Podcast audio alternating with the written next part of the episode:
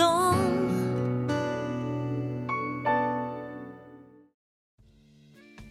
To już ósme spotkanie ze świętym Janem Bosko na kanale wydawnictwa salezjańskiego.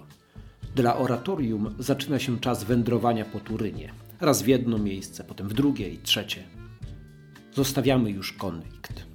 Ksiądz Bosko idzie pracować jako kapelan w dziełach markizy Barolo. To tam na wiele lat zbiegną się drogi jego i księdza Jana Borela. Oddajmy głos samemu księdzu Bosko. Od pierwszej chwili, kiedy poznałem księdza Borela, zawsze uważałem go za świętego kapłana, wzór godny podziwu i naśladowania. Zawsze, kiedy tylko miałem okazję z nim przebywać, otrzymywałem lekcje kapłańskiej gorliwości, cenne rady, zachętę do czynienia dobra. Ciągu trzech lat spędzonych w konwikcie wielokrotnie prosił mnie o odprawianie nabożeństw, spowiedź, głoszenie z nim kazań. W ten sposób poznałem swoją pracę i w pewien sposób stała mi się ona bliska. Wielokrotnie prowadziliśmy długie rozmowy o zasadach, jakie należy stosować, co możemy przedsięwziąć, aby pomagać sobie nawzajem podczas odwiedzania więzień i wypełnianiu powierzonych nam zadań, a zarazem opiekować się chłopcami, których moralność oraz zaniedbanie coraz bardziej zwracały uwagę kapłanów. Ale jak to zrobić? Gdzie ich zbierać? Pokój przeznaczony dla księdza, powiedział ksiądz Borel, przez pewien czas może służyć do spotkań chłopców, którzy przychodzili do kościoła świętego Franciszka z Asyżu. Kiedy zaś przeniesiemy się do budynku przygotowanego dla księży obok szpitalika, wówczas pomyślimy o lepszym pomieszczeniu. W drugą niedzielę października, poświęconą macierzyństwu Maryi, poinformowałem moich chłopców o przenosinach oratorium w sąsiedztwo schroniska. Początkowo okazali pewne zaniepokojenie, ale kiedy powiedziałem im, że czeka tam na nas duże pomieszczenie, wyłącznie dla nas, aby śpiewać, biegać, skakać i się bawić, spodobało im się to. Każdy niecierpliwie czekał na następną niedzielę, aby zobaczyć to nowe miejsce.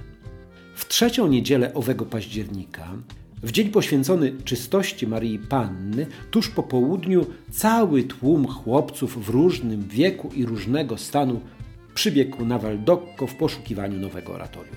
Gdzie jest oratorium? Gdzie ksiądz Bosko? Zewsząd rozlegały się pytania. Nikt zupełnie nie potrafił na nie odpowiedzieć, ponieważ nikt w tej okolicy nie słyszał o księdzu Bosko czy oratorium. Pytający poczuli się oszukani, podnosili głosy, wykrzykiwali pretensje, żądania. Niektórzy obrażeni zaczęli grozić i podnosić pięści. Kiedy ja i ksiądz Borel, usłyszawszy harmider, wyszliśmy z domu, sprawa przybierała niebezpieczną postać. Na nasz widok ustały wrzaski i kłótnie. Chłopcy tłumnie rzucili się ku nam, pytając, gdzie jest oratorium. Powiedzieliśmy, że prawdziwe oratorium jeszcze nie jest ukończone, że tymczasem będą przychodzić do mojego pokoju, który jest duży i będzie nam dobrze służył. I rzeczywiście, w tę niedzielę wszystko poszło dość dobrze.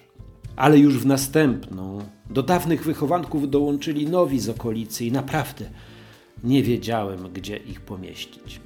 W pokoju, na korytarzu, na schodach, wszędzie było pełno chłopców. W Dzień Wszystkich Świętych, kiedy z księdzem Borelem usiedliśmy do konfesjonałów, każdy z nich chciał się spowiadać. Co mieliśmy robić?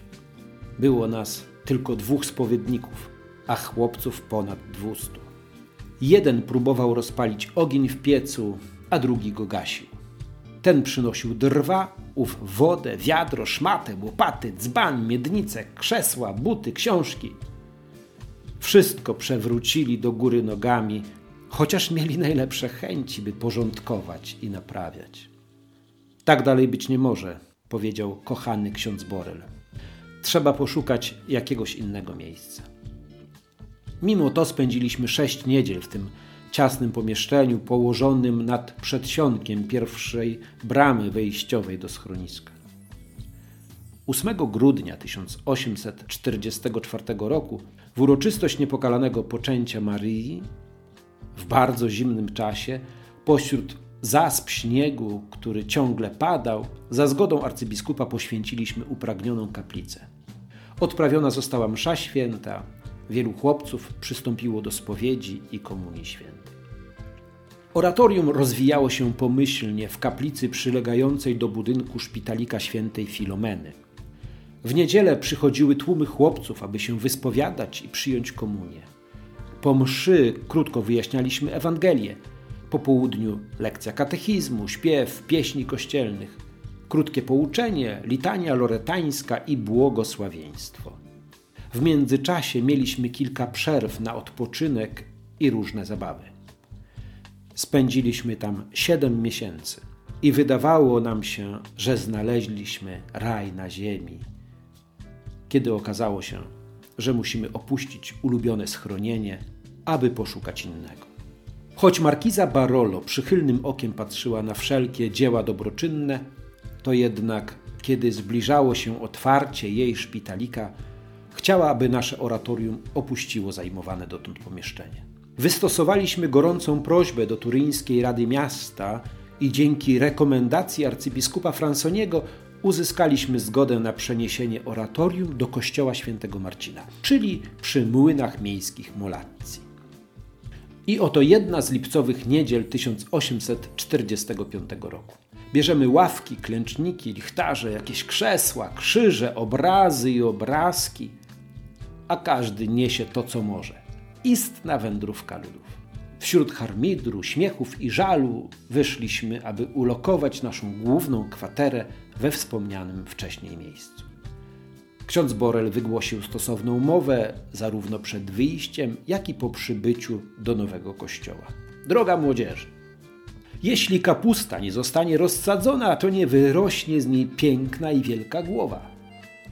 To samo możemy powiedzieć o naszym oratorium.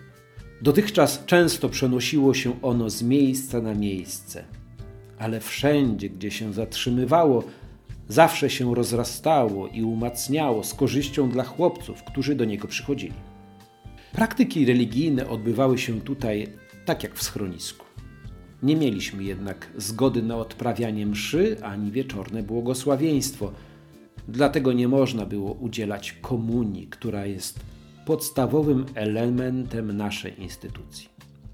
Nawet sama rekreacja napotykała na niemałe przeszkody i ograniczenia z tego powodu, że chłopcy musieli gromadzić się na drodze i placyku przed kościołem, gdzie często ludzie przechodzili lub jechali konno, gdzie się poruszały wozy i zaprzęgi. Skoro nie mogliśmy mieć nic lepszego, dziękowaliśmy niebu za to, na co nam pozwoliło i czekaliśmy na korzystniejszą lokalizację. Ale spadły na nas nowe niepokoje. Młynarze, pomocnicy, robotnicy, nie mogąc wytrzymać skakania, śpiewu, a czasami i krzyków naszych wychowanków, stracili cierpliwość i wspólnie wystosowali protest do Rady Miasta. To wtedy zrodziły się pogłoski, że spotkania chłopców są niebezpieczne, że w każdej chwili mogą się przerodzić w zamieszki i rewolucje. Doszło nawet do tego, że nazywano nas wylęgarnią nieobyczajności. Choć burmistrz był przekonany, że te pogłoski są nieuzasadnione, napisał stanowczy list, w którym nakazał natychmiast przenieść oratorium gdzie indziej. Ponieważ burmistrz i w ogóle Rada Miasta byli przekonani o nieprawdziwości tego, co kierowano przeciwko nam, dlatego nasza prośba z poparciem arcybiskupa została przychylnie przyjęta i mogliśmy się zbierać na dziedzińcu i w kościele cmentarnym Najświętszego Krzyża, powszechnie nazywanym Kościołem Świętego Piotra w Okowach. W ten sposób po dwóch miesiącach pobytu u świętego Marcina z wielkim żalem musieliśmy przenieść się na nowe miejsce, które zresztą było dla nas lepsze. Długi portyk, przestronny dziedziniec, kościół nadający się do sprawowania nabożeństw. To wszystko wzbudziło entuzjazm wśród chłopców, którzy nieomal szaleli z radości. Jednak w tym miejscu mieliśmy groźną przeciwniczkę, z której istnienia nie zdawaliśmy sobie sprawy. I wcale nie była to zmarła, jakich wiele spoczywało w pobliskich grobach, lecz żywa kobieta, gospodyni kapelana. Kiedy tylko usłyszała śpiew i rozmowy, a także oczywiście wrzaski wychowanków, Rozwścieczona wyszła z domu w przekrzywionym czepku i chwyciwszy się pod boki, zaczęła karcić rozbawioną gromadę.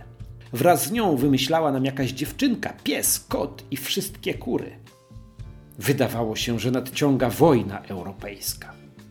Starałem się podejść do niej, aby ją uspokoić, wytłumaczyć, że ci chłopcy wcale nie mają złych zamiarów, że bawią się i nie robią nic nagannego. Wówczas zwróciła się przeciwko mnie i ja też dostałem za swoje. Wtedy postanowiłem przerwać zabawę, zrobić krótką lekcję katechizmu i odmówić w kościele różaniec.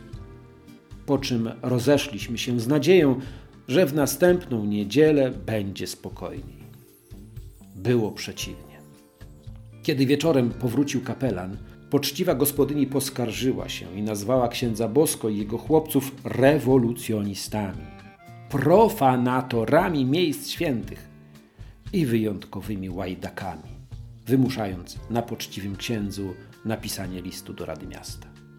Napisał pod jej dyktando i to tak ostro, że natychmiast wydano nakaz pojmania każdego z nas, gdyby się tam pojawił. Nikt też nie był w stanie wyobrazić sobie, nawet ja, gdzie można by znaleźć miejsce do spotkań. W kolejnym odcinku dalsza część niepewnej wędrówki księdza Bosko, jego chłopców, całego oratorium. Zapraszamy na kanał Wydawnictwa Salezjańskiego. Naucz nas, księże bosko, nadzieją jak wiosną. Każdego